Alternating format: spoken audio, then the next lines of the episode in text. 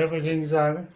Merhaba, Önce bir sizi tanıyalım isterseniz. Doktor Cengiz Evci. 50 sene yurt dışında oturuyorum. 11 sene İngiltere'de tahsilimi yaptım. Master doktoramı İngiltere'de tamamladım. Ondan sonra 40 senedir Fransa'dayım. İngiltere'de hiç çalışmadım. Fransa'da hiç okumadım. Konumuz 5G üzerine. 5G ne demek? Yani oradaki G ne anlama geliyor ve her G bize ne ifade ediyor? 3G, 4G vardı. Ya da 4.5G var şimdi mesela ve 5G gelecek. Bunlar ne demek? Ben her ne kadar şahsi olarak G terminolojisiye karşıysam da G'nin kullanılması G'nin yerinde teknolojinin kendi ismini kullanılması lazım normalde.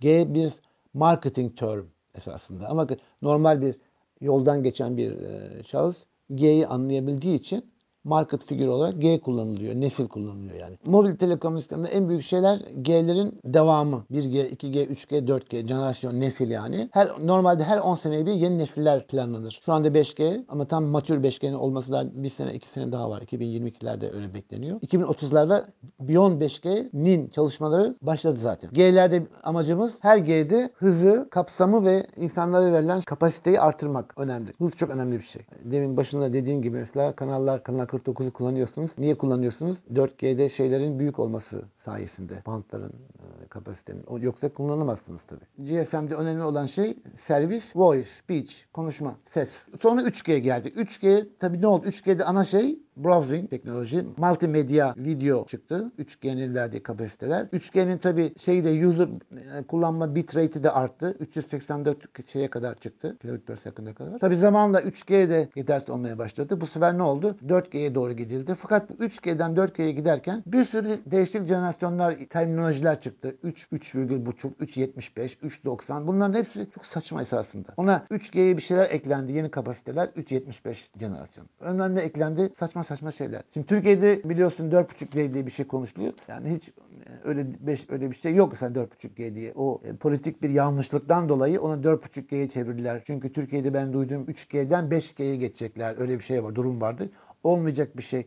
Çünkü 5G'yi dediğim gibi yapan standart şirketleri meşhur 3GPP diye bir şey var. International bir partnership project. Bütün teknolojiler orada belirleniyor. 3GPP'nin onların yaptığı şeyler var. Release 1, Release 2, Release 3. Mesela 5G'nin release numarası 16 diyelim. 16. Bu standart olup da ITU'ya gelip approve olmazsa falan 5G zaten kullanılmaz. Yani 3G'den 5G'ye geçilmez zaten. Hani onun için Türkiye onu sonra değiştirdi. 4.5G diye şey yaptı bütün şey generasyonlarda daha fazla bit istiyoruz, daha fazla frekans istiyoruz. Geleceğim o işi şeye. Bu önemli esasında. O servisler zamanla yeni yeni servisler icat ediliyor tabii bunun yanında. Hani 5G'nin bir de önemli özelliği şey mümkün olduğu kadar büyük connected devices ona geleceğim. 5G'nin zaten getireceği şeyler eski G'lere göre mesela önemli özelliği şeyleri, e, connect terminalleri aşağı yukarı 100 misli az, fazlalaştırmak. Bu çok önemli bir şey. Bu otomotiv endüstride bu da önemli faktör. Onun için. Bu bizim eşyaların interneti dediğimiz O da- hikaye bununla var. alakalı o zaman.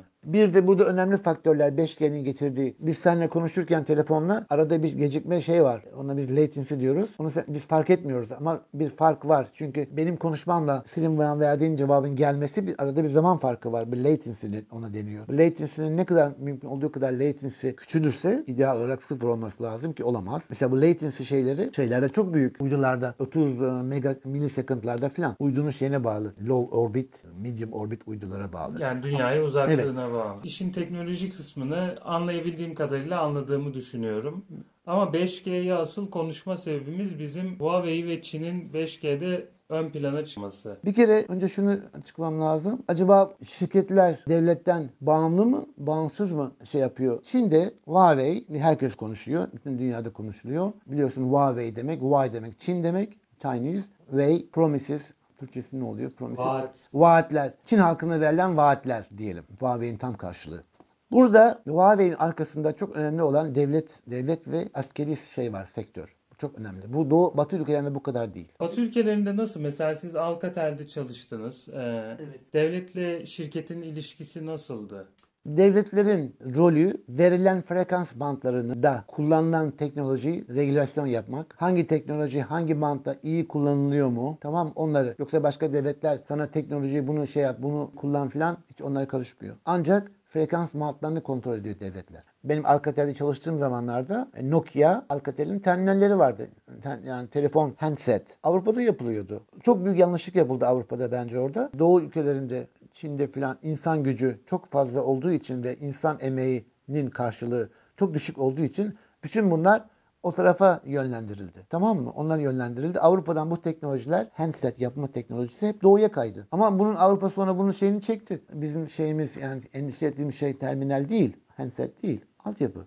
Yani daha bir sürü radyo şeyleri var orada, specification'ları var. Bir de burada önemli olan şey benim anladığım gelişmekte olan ülkelerde, bazı ülkelerde Çin'in çok bir yatırımı var. Bu yatırımlar ne oluyor biliyor musun? O bankalarda filan Çin'in Huawei'nin altyapısını almasını şey yapıyor. Şart koşuyor. Şart değil bunun propaganda gibi bir şey yapıyor o tip ülkelerde. Yani Huawei altyapısını aldıkları takdirde Çin daha çok yatırım yapacağını mı Tabii. söylüyor? Onun gibi bir şey. Hani şey vicious circle yatırım yaptığı için o bankalar falan Çin çok yatırımlar olan ülkelerde Huawei'in şey yapıyorlar. Anladım. Peki şey kısmına gelelim. Batılı ülkelerin verdiği tepkiler neler oldu?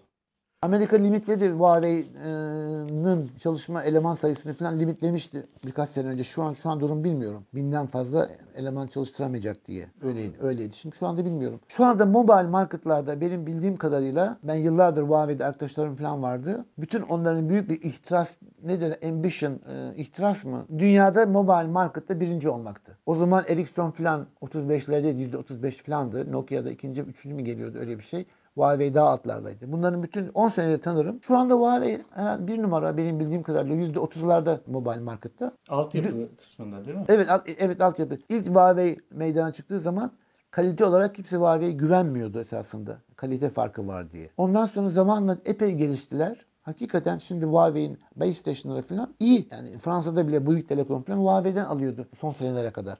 Ondan sonra bu limitleme geldiği için bu- de durdurdu Huawei'den base station almayı Nokia'ya kaydı. Mesela Amerika'nın bütün semiconductor teknolojisi şeyde yapılıyor çoğu. Tayvan'da ki Çin'in en düşman olduğu ülke.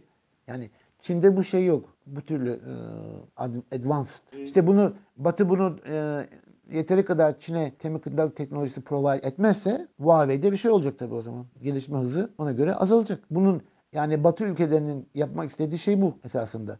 Altyapılarda bilinen bir şey Batı tarafından siber güvenlik durumu var. Siber güvenlik Çin teknolojisinde öyle bir şey var ki şu güvensizlik psik- psikolojik değil de siyasi olarak sanki bir tetik bütün bu senin kullandığın şeyler falan Çin'e kaydırılıyor şey olarak, intelligence olarak. Çin, Chinese National Intelligence'a gidiyor. Bu bazı şeylerde ispatlandı bazı şeylerde. Onun için Batı Çin'e karşı bir cephe almaya başladı. Çin'in kullandığı access te- teknoloji diyelim içinde tetikler var diyebiliyoruz. Anladım. İşte bu çok bunlar çok karışık politik bir olaylar tabii. Politik içinde çok politika da dönüyor aynı zamanda.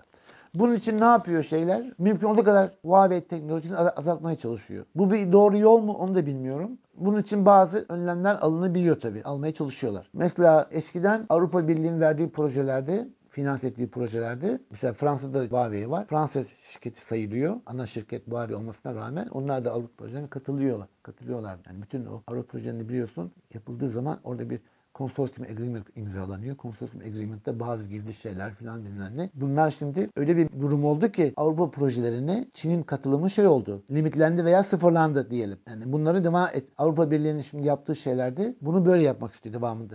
Yani bu bir nevi Huawei'ye ve Çin'e karşı bir savaş diyelim. Kanal 49'a gelmek istersem ben izliyorum, aboneyim. Ee, çok enteresan şeyler öğreniyorum W49'dan. Sizin de abone olmanızı tavsiye ederim. Teşekkürler.